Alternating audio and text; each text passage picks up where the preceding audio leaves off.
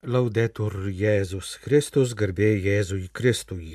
Kalba Vatikano radijas.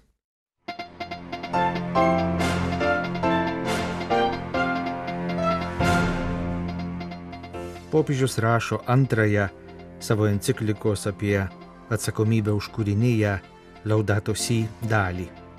Apie tai jis pats pranešė pirmadienį susitikęs su grupe teisininkų atstovaujančių šalims priklausančioms Europos tarybai. Popiežius pasveikino Italijos valdiečių ir metodistų sinodą.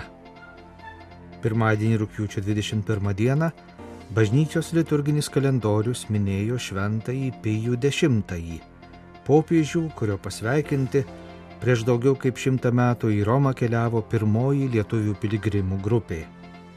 Lietuvos karitas skelbia naują pagalbos Ukrainai vajų.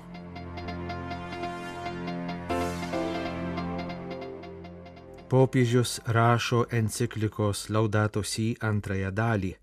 Apie tai pats Pranciškus užsiminė pirmadienį, rūpiučio 21 dieną, prieėmęs Europos tarybai priklausančių šalių teisininkų grupę, vadinamosios vienos deklaracijos signatarus. 2022 m. Birželio 11 d.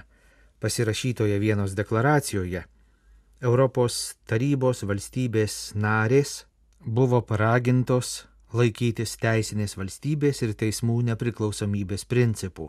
Vi ringrazio per il contributo importante che offrite alla promozione della democrazia e del rispetto della libertà e della dignità umana. Popiežius padėkojo teisininkams už svarbų indėlį skatinant demokratiją ir pagarbą laisvei bei žmogaus orumui. Pasak Pranciškaus akivaizdu, kad gyvename socialinių, ekonominių, tapatybės ir saugumo krizių laikais, kaip liudija karas Ukrainoje. Dabartinės krizės meta iššūkį vakarų demokratijoms, nes reikia į krizės greitai ir veiksmingai reaguoti, tuo pat metu tvirtai laikantis pagrindinių demokratijos principų. Neramumų ir smurto baimė, nusistovėjusios pusiausvyros sugriovimo pavojus, būtinybė veiksmingai veikti, susidūrus su ekstremaliomis situacijomis, gali sukelti pagundą daryti išimtis ir laikinai apriboti teisinės valstybės principus, ieškant skubių sprendimų. Importante che voi reclamiate che lo Stato di diritto non sia affatto mai oggetto della minima eccezione. Todėl kaip tik dabartiniu metu yra labai svarbu reikalauti, kad be jokių išimčių būtų tvirtai laikomasi teisinės valstybės principų. Teisinė valstybė tarnauja žmogui ir siekia apsaugoti jo orumą, o tai neleidžia daryti jokių išimčių. Pasak Pranciškaus, ne tik krizės kelia grėsmę demokratinėms laisvėms ir teisiniai valstybei. Iš tikrųjų vis labiau plinta klaidinga žmogaus asmens samprata, kuri silpnina pačią jo apsaugą ir palaipsniui atveria kelią rimtiems piktnaudžiavimams, prisidengiant gėriu. Reikia atsiminti, sakė Pranciškus, kad žmogaus asmens orumo pagrindas yra jo transcendentinė kilmė, kuri reikalauja, kad visoje žmogaus veikloje asmuo būtų svarbiausias. Pagarba žmogaus asmeniui negali priklausyti nuo laiko mados ar nuo turinčiųjų valdžią malonės. Popiežius priminė, ką jau anksčiau keliomis progomis yra sakęs Europos politikams. Jei Europa nesugebės būti atvira transcendentiniam gyvenimo matmeniui, jai grės pavojus prarasti savo sielą. Jei atmesime tiesos egzistavimo galimybę, kiekvienas atskiras asmuo taps savo veiksmų teisingumo kriterijumi. Iš tiesų šiandien daug kur matome tokią tendenciją. Reikalaujama vis daugiau asmeninių teisių, neatsižvelgiant į tai, kad kiekvienas žmogus yra susijęs su socialiniu kontekstu, kuriame jo teisės ir pareigos yra susijusios su kitų žmonių teisėmis ir pareigomis bei pačios visuomenės bendruoju gėriu. Pagarba žmogaus teisėms bus užtikrinta ir teisinė valstybė bus tvirta, kai tautos bus ištikimos savo šaknims, maitinamoms tiesos, kuri yra kiekvienos visuomenės, siekiančios būti tikrai laisva, humaniška ir solidari gyvybinė jėga. Galiausiai popiežius paminėjo pareigą rūpintis mūsų visų bendrais namais. Niekada neturime pamiršti, kad būsimosios kartos turi teisę gyventi gražiame, nesuniokotame ir neužterštame pasaulyje. Ir kad tai dabartiniai žmonių kartai suteikia rimtą pareigą rūpintis kūrinyje, kurią gavome iš dosnių Dievo rankų. Io sto scrivendo una seconda parte de Laudato Si. Popiežius šią progą pranešė, kad jis rašo antrąją savo enciklikos Laudato Si dalį, kurioje bus atsižvelgta į atsakomybės už gamtą srityje pastaruoju metu iškilusius naujus klausimus. Popiežiaus valstybės sekretorius kardinolas Pietro Parolinas pasiuntė telegramą Šiaurės Italijos Piemonto regiono Pinerolio vyskupui ir paprašė jo perduoti popiežiaus linkėjimus tos vyskupijos teritorijoje esančiame Torrepelyčia miestelėje vykstančio Italijos valdiečių ir metodistų bažnyčių sinodo dalyviams. Popiežius dviejų nedidelių Italijos krikščioniškųjų konfesinių grupių nariams linki, kad jų kasmetinis sinodas būtų proga pajusti Kristaus artumą, skatintų siekti didesnės bendrystės su juo ir su broliais bei seserimis. Šią progą popiežius taip pat dėkoja Dievui už vaisingą katalikų ekumeninį dialogą su valdiečiais ir metodistais, ragina stiprinti bendradarbiavimą ir gilinti tarpusavio pažinimą, kad visi kartu įtikinamai liudytų Evangeliją. Italijos valdiečių bažnyčios istorija siekia XIII amžiaus pradžią. Šios bendruomenės įkūrėjas, davęs ją ir vardą, buvo rytinėje Alpių kalnų dalyje tarp dabartinės Italijos, Šveicarijos ir Prancūzijos gyvenęs uolus tikintysis pasaulietis Valdas arba Valdesas, kuris radikaliai sekdamas Evangeliją pardavė visą savo turtą, gautus pinigus išdalijo vargšams, o pats gyvendamas iš išmaldos skelbė Evangeliją neturtingiems valstiečiams. Nors jis ragino gyventi pagal Evangeliją ir manė, prisidedąs prie kiek anksčiau popiežiaus Grigaliaus VII pradėto bažnyčios atnaujinimo judėjimo, vis dėlto nesulaukė vietinės bažnytinės hierarchijos pritarimo. Regiono vyskupams nepatiko, kad Evangelija skelbia bažnytinių mokslų nebaigęs pasaulietis. Valdas ir jo sekėjai buvo ekskomunikuoti. Jiems nebuvo leidžiama gyventi miestuose, tačiau atokiose kalnų vietovėse jie galėjo palyginti ramiai gyventi pagal savo įsitikinimus. Įdomu, kad maždaug tuo pat metu gyveno ir Pranciškus Asižėtis, panašiai kaip valdas gyvenęs pagal Evangeliją. Pranciškus ir jo sekėjai sugebėjo pasilikti katalikų bažnyčioje. Kai XVI amžiuje Europoje prasidėjo protestantiškoji reformacija, valdiečiai prie jos prisijungė palaikydami ryšius su Ženevos kalvinistais. Vis dėlto valdiečių gyvenamoje teritorijoje, Prancūzijos Alpėse ir Piemonte, katalikybė išlaikė persvarą. Tuo metu Europoje galiojo principas cuius regio eius religio, pagal kurį valdovo religija turėjo būti ir jo pavaldinių religija. Kadangi Prancūzijos ir Piemonto valdovai buvo katalikai, Alpių slėniuose gyvenantys žmonės irgi turėjo būti katalikai. Vis dėlto atokiai nuo miestų kalnuose gyvenę valdiečiai išsaugojo savo tapatybę. Galiausiai 1848 m. vasario 17 d. Piemonto valdovas Karolis Albertas paskelbė įstatymą suteikiantį religijos laisvę visoms valstybėje esančioms konfesinėms grupėms. Iki mūsų dienų valdiečiai mini vasario 17-ąją kaip laisvės dieną. Šiuo metu valdiečių bendruomenėms priklauso apie 45 tūkstančiai narių. Jie turi savo maldos namus buvusioje Piemonto valstybės ir pirmoje besivienijančios Italijos sostinėje Turine, kitose regiono vietovėse, taip pat Romoje. Nedidelės valdiečių bendruomenės taip pat gyvuoja tarp italų diasporos Pietų Amerikoje. 1975 metais valdiečiai sudarė vadinamąjį integracijos paktą su kita maža Italijos konfesinė grupe - metodistais. Nors sudaryta sutartis vadinama integracijos paktu, tačiau abi bendruomenės išlaikė savo liturgiją ir mokymą, toliau atskirai tvarko savo nusavybę, o bendras yra tik sinodas, kuris renkasi kartą per metus ir nubrėžia bendros veiklos ir liudyjimo gairias.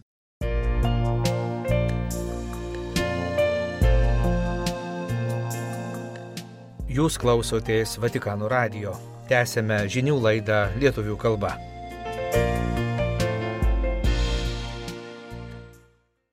Rūpiučio 21 dieną bažnyčia liturginėme kalendoriuje minėjo šventąjį popiežių Pijų X. Šiaurės rytų Italijos Riezė miestelėje, kuriame jis gimė, po liturginio minėjimo mišių pirmadienio pavakarę surenkta tradicinė procesija. Prieš kiek daugiau kaip dvi savaitės, rūpiučio ketvirtąją, sukako 120 metų nuo popiežiaus Pijaus X išrinkimo. Šios sukakties proga vietinė Trevizo vyskupija rengia šių metų spalio 6-15 dienomis vyksiančią Šventojo popiežiaus relikvijų piligrimystę. Vatikano Šventojo Petro bazilikoje saugomos Šventojo popiežiaus relikvijos tomis dienomis lankys jo gimtinės parapijas. Būsimasis popiežius ir šventasis gimė 1835 m. birželio 2 d. Riezė miestelėje Trevizo vyskupijoje Italijos šiaurės rytuose. Jau kitą dieną jis buvo pakrikštytas Juozapo Merkelio Giuseppe Melchiorre vardais. Baigęs viskupijos seminariją, būdamas 23 metų amžiaus, gavo kunigo šventimus. Pirmiausia, devynerius metus jis tarnavo vikaru mažoje kaimo parapijoje, po to devynerius metus klebonavo kelių tūkstančių gyventojų miestelio parapijoje, dar po to devynerius metus buvo Trevizo katedros klebonas. 1844 kunigas Sarto buvo paskirtas Mantujos vyskupu. Šias pareigas jis irgi ėjo devynerius metus, iki kol buvo perkeltas į Veneciją ir popiežiaus Leono XIII pakeltas kardinolu. Beje, kardinolas Sarto Venecijos patriarchu taip pat išbuvo devynerius metus. Tačiau popiežiavo ilgiau - 11 metų - nuo 1903 iki 1914. Daug Pijaus X pontifikato bruožų atspindi ankstesnę jo kaip kunigo ir vyskupo darbo patirtį. Kunigaudamas jis tengiasi padėti vargstantiesiems rūpinosi suaugusiųjų religiniu švietimu. Kai klebonavo vyskupijos katedroje, tuo pat metu jis buvo ir kunigų seminarijos rektorius. Tapęs vyskupu labai rūpinosi deramu klierikų rengimų kunigystėj skatino kunigus rūpintis socialiniais klausimais. 1903 rūpiučio 4 dieną išrinktas popiežiumi Pijus X stengiasi, kad jo pasirinktas vyskupiškas šūkis instaurare omnia in Christo visą atnaujinti Kristuje apimtų visą bažnyčios gyvenimą. Dėl to jis rūpinosi ne tik vaikų, bet ir suaugusiųjų katekizavimu, išleido naują katekizmą, reformavo kunigų seminarijas. Popiežius Pijus X su rimtu susirūpinimu žiūrėjo į kartu su visuomenės gyvenimo ir kultūros modernėjimu įsigalinti relativizmą, kuris veikia ir bažnyčios gyvenimą. Dėl to jo pontifikatų metais buvo stiprinamos kanonų teisės, liturgijos, biblistikos studijos. Romoje prie Grigaliaus universiteto šis popiežius įsteigė Biblijos institutą. Jo iniciatyva atnaujintas bažnyčios kanonų teisės kodeksas. Popiežius Pijus X pirmaisiais pontifikato metais 1903 paskyrė Vilniaus vyskupą Eduardą Ropą. 1906 Lutsko auxiliarą vyskupą Antaną Karosą, kuris 1910 buvo paskirtas Seinų vyskupu, o 1926 metais tapo pirmuoju naujai įkurtos Vilkaviškio vyskupijos ganytoju. Paskutiniais pontifikato metais 1914 jis paskyrė paskutinį Žemaičių vyskupijos ganytoją Pranciškų Karevičių. Lietuvių delegacija 1908 metais dalyvavo popiežiaus Pijaus X kunigystės auksinio jubiliejaus minėjime. Tai buvo be ne pirmoji didelė lietuvių piligriminė kelionė į Romą. Ta proga į Vatikaną atvykusius lietuvius popiežius priėmė atskiroje audiencijoje. Pijus X mirė prieš 109 metus, 1914 rūpiučio 20 dieną. 1951 jis buvo paskelbtas palaimintoju, 1954 šventuoju.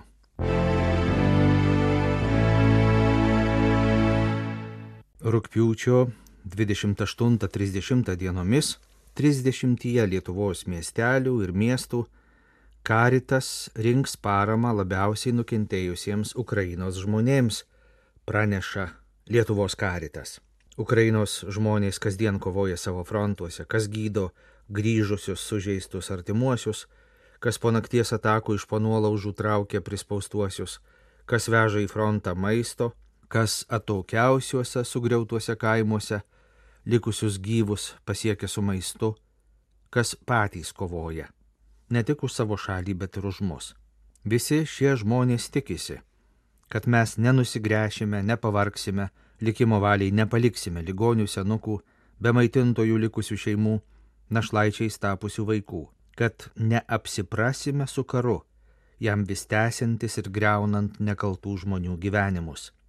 Sako Lietuvos karitas generalinė sekretorė Daimantė Bukeikaitė.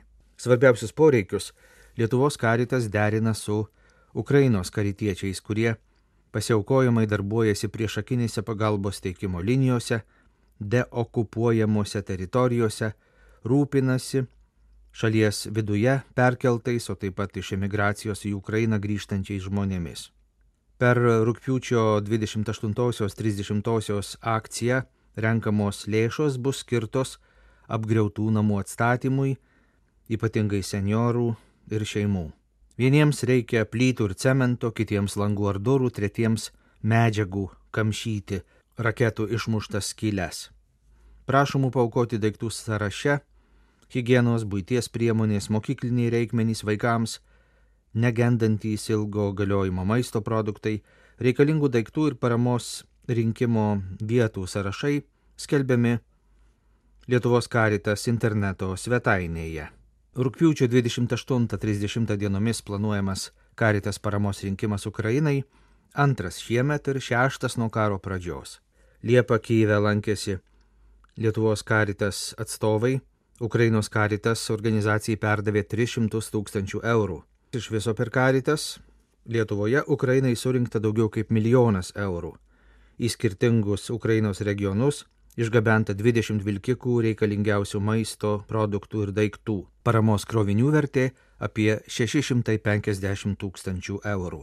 Tai buvo informacinis pranešimas, kuriuo paprašė pasidalyti Lietuvos karitas.